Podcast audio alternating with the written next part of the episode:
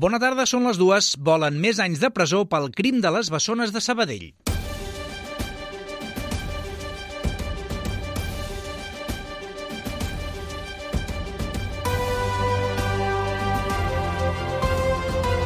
Notícies migdia. Pau Duran.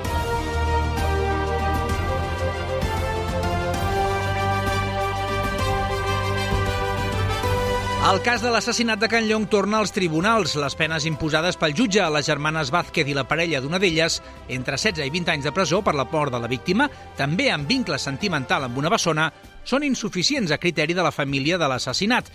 Així ho ha expressat el seu advocat. Lo hacen de una manera brutal, mucho salvajismo y con mucho desprecio hacia la víctima, un desprecio absoluto hacia la víctima.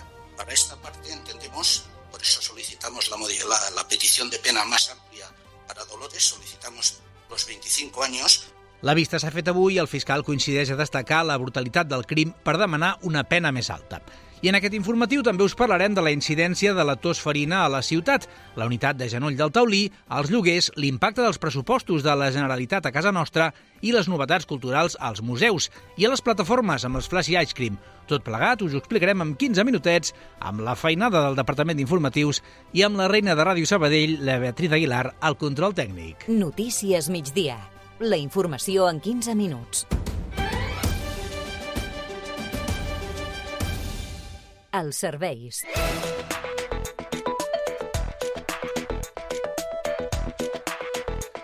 Per saber com se circula amb el transport públic, li demanem a l'Héctor Molina del Transmet. Doncs avui dimarts destaquem la línia R3 de Rodalies, on degut a una incidència ja resolta s'han registrat demores durant bona part del matí i ara encara estan en procés de recuperar les freqüències de pas habituals. La resta de la xarxa tant ferroviària com de bus funciona sense cap altra incidència destacable. De moment, això és tot des del Transmet. Molt bon dia.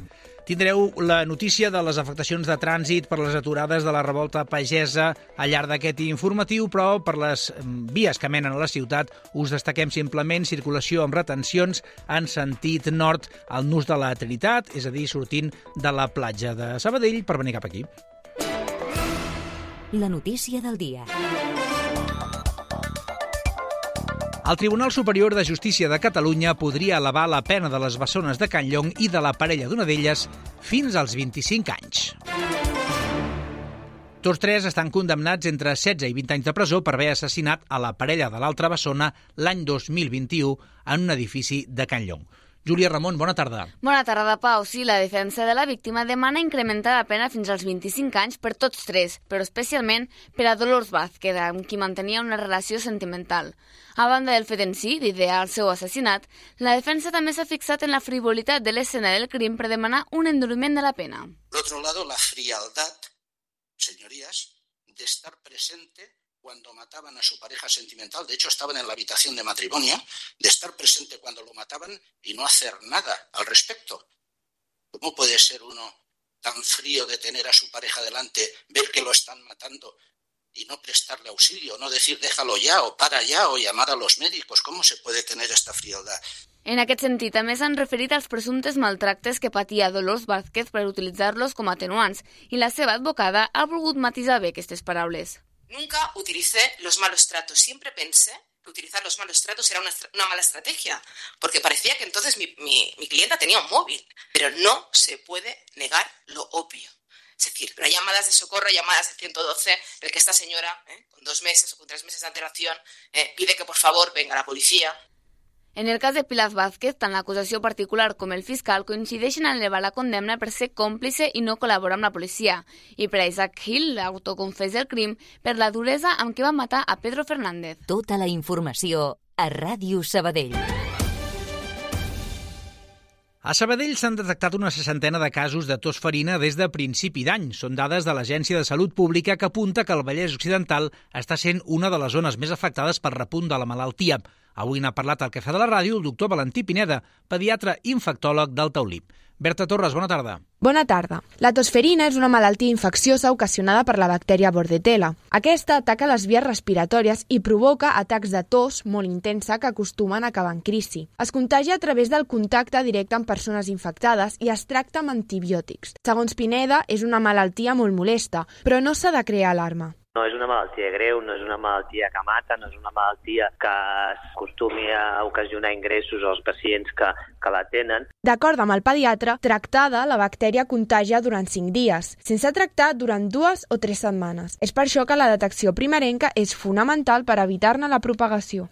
I la Societat Espanyola de Genoll ha acreditat a l'Hospital de Sabadell com a centre formador de cirurgia de genoll. Per això rebran residents de diferents llocs de l'Estat per explicar-los la feina que fan. Helena Molís, bona tarda. Bona tarda. Ho han aconseguit perquè tenen tres dels set professionals del taulí que són professors acreditats en la matèria i amb una posició líder. Cristian Iela és el cap de la unitat de genoll amb gent líder no? a, nivell, a nivell de l'Estat, a nivell de la societat, tenim gent que, li, que lidera bastant projectes no?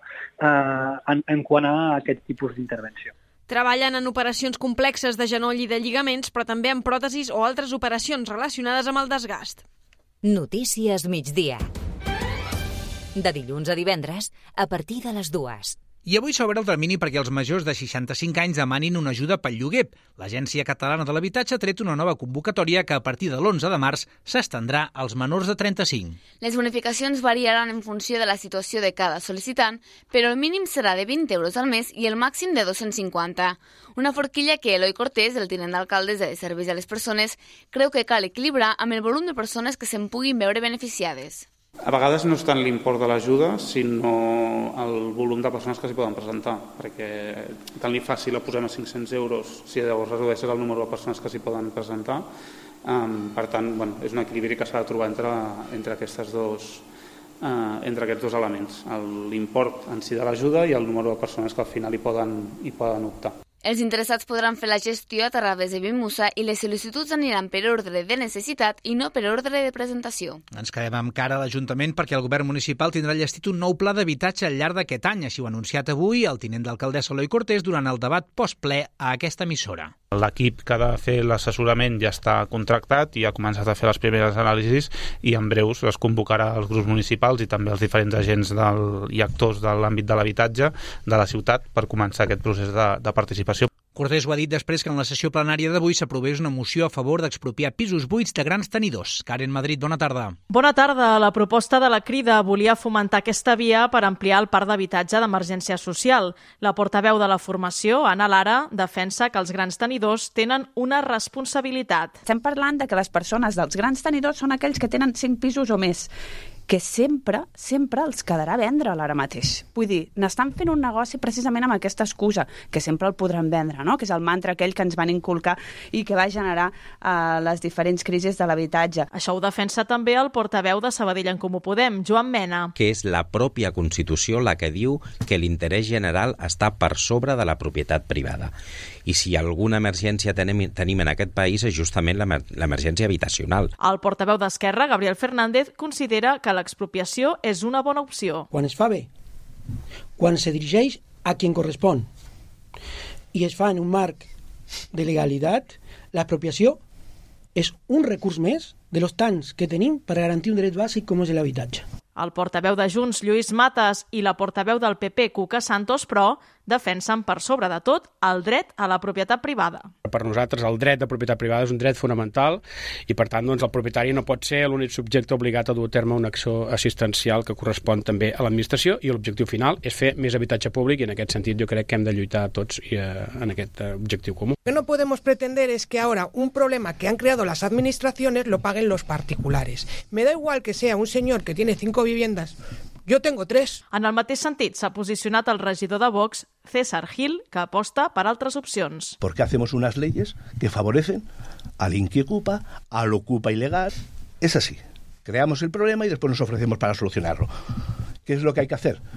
Crear seguridad jurídica. La moció va prosperar gràcies a un canvi del text que inicialment també apostava per l'expropiació dels pisos turístics. I el govern de la Generalitat i el PSC han tancat un acord pels pressupostos del 2024, tal com han anunciat les dues parts a través d'un comunicat. Sí, és el primer pacte que assoleix l'executiu per aprovar els comptes, si bé encara necessita un tercer grup que hi doni suport o s'hi abstingui. El diputat socialista sabadellenc al Parlament de Catalunya, Pol Givert, ho ha valorat així. Evidentment, també una aposta decidida per l'habitatge públic i per la llei de barris, dos elements claus pel PSC què vol dir? Doncs recursos per als barris més vulnerables, per posar-los en ordre, a, a to, millorar el seu espai públic i, evidentment, també l'aposta decidida per l'habitatge públic, que és imprescindible en aquest moment que vivim. No? Els comptes també donaran resposta a la Ronda Nord fins a Castellà del Vallès, la construcció de l'Hospital Ernest Lluc a Montcada i la redacció del de Rubí i el futur túnel d'Horta ferroviari que connectarà millor el Vallès amb la capital. I els veïns de la Concòrdia volen celeritat en les obres de l'aparcament de l'Eix Macià perquè diuen que la sorra és un focus de contaminació. L'Ajuntament diu que està dibuixant el projecte que ha d'incloure l'escola de música i el conservatori. Així és, el president de l'Associació de Veïns, Francesc Portalés, ho ha denunciat al programa al matí. Llavors, que parlem? Sí que ens diuen que això ho agilitzaran. Sí, però que la realitat no és aquesta, sí. Per tant, des d'aquí el que demanem és que s'agilitzi això. Els veïns recalquen que l'actuació ja estava prevista en el mandat anterior, però no es va tirar endavant llavors. L'equip de govern, però, assegura que és una prioritat per a aquest mandat.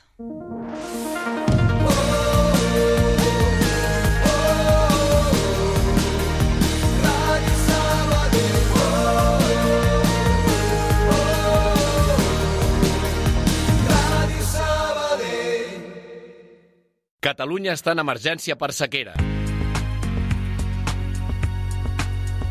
Després de 3 anys sense pluges, les reserves dels embassaments i els aqüífers han anat baixant progressivament, passant del 80% fins al 16% actual. Pots consultar les restriccions del teu municipi al visor de la sequera entrant a sequera.gencat.cat. A més, recorda que pots contribuir a l'estalvi d'aigua amb molts petits gestos. Tanca l'aixeta mentre et rentes les dents. Prioritza la dutxa en comptes de la banyera. No facis servir el vàter com si fos una paperera o posa la rentadora quan només és plena. Estalvia aigua. És urgent. És un missatge de la Generalitat de Catalunya amb la col·laboració de Ràdio Sabadell. Coneixes l'app de Taximés? Descarrega-te-la i reserva un taxi còmodament des de la nostra app. Més informació a taximesapp.com. Taxi! Ràdio Taxi Sabadell. El teu taxi de referència a Sabadell. Ràdio Sabadell. Notícies. Cultura. La capital de la cultura catalana enriquirà la temporada dels museus municipals, almenys la programació del primer semestre del 2024 que s'ha presentat aquest migdia. A les exposicions i activitats habituals que habiliten tant el Museu d'Història com el Museu d'Art, ara s'afegeix un nou punt a l'agenda cultural en motiu d'aquest títol. L'ha desvetllat Carles de la Rosa, el regidor de Cultura. I enguany, pel fet d'haver esdevingut capital de la cultura catalana, Sabadell també acollirà les jornades d'estudis locals Recercat, organitzades per l'Institut Ramon Montaner, IRMU, en què serà l'entitat anfitriona eh, aquí a Sabadell i seran els dies 3, 4 i 5 de maig. Una altra dada important és la del 18 de maig, quan se celebrarà la tradicional nit dels museus. I els sabadellencs Flacià i Escrib admeten haver sortit de la zona de confort amb el seu nou disc. No m'atreveixo a parlar-te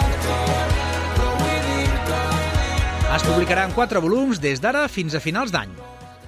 Les Nicky Flex i en Paul Giancana asseguren que el viatge que han fet a l'Argentina ha estat clau per a aquest disc. Són declaracions al programa al matí. Si no haguéssim anat allà, no, no hi serien. Clar, necessitem sortir també de la rutina del dia a dia aquí, de, també per poder crear i escriure lletres i viure experiències noves ens va molt bé això. Crear des de fora de la zona de confort una mica. Sempre Joves Perú, el primer volum del nou disc, ja es pot escoltar a les principals plataformes. I ara et busco en cada tren. El temps. 16 graus a la ciutat, cel pràcticament serè. Volem saber la previsió, Lluís Mi Pérez. Després de les pluges molt importants d'algunes comarques de Girona, el temps avui ha de ser més tranquil, però això sí, amb vent. Aquest vent està bufant amb força al Pirineu, a gran part de les comarques de Tarragona i també al voltant de l'Empordà, on, de fet, al llarg d'aquesta tarda aquest vent s'anirà reforçant. Independentment, tenim força núvols a l'Alt Pirineu que van deixant algunes nevades. Al llarg d'aquesta tarda, fins i tot encara s'intensificaran més en aquesta banda més alta de la serralada. I també els núvols han de ser cada cop més abundants a les comarques de Girona, arribant a deixar algun plogim, sobretot ja al voltant de l'Empordà. Els núvols una mica més gruixuts aquest matí que hi havia cap als ports o a la Catalunya central s'han d'anar trencant. I la tarda acabarà sent fins i tot agradable, malgrat aquest vent que bufarà fort ja diem, sobretot a l'Empordà, al Pirineu i a Tarragona. Demà continuarà bufant i atenció a gran part de Girona. Bufarà molt fort.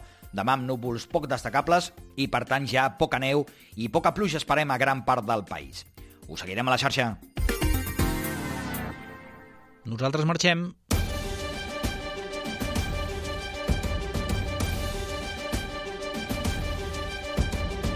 Tindreu més informació als punts horaris durant aquesta tarda 4, 5, 6 i 7 i a partir de demà a les 9 del matí al Cafè de la Ràdio. Adéu-siau. Allà on siguis, escolta'ns online. En directe.radiosabadell.fm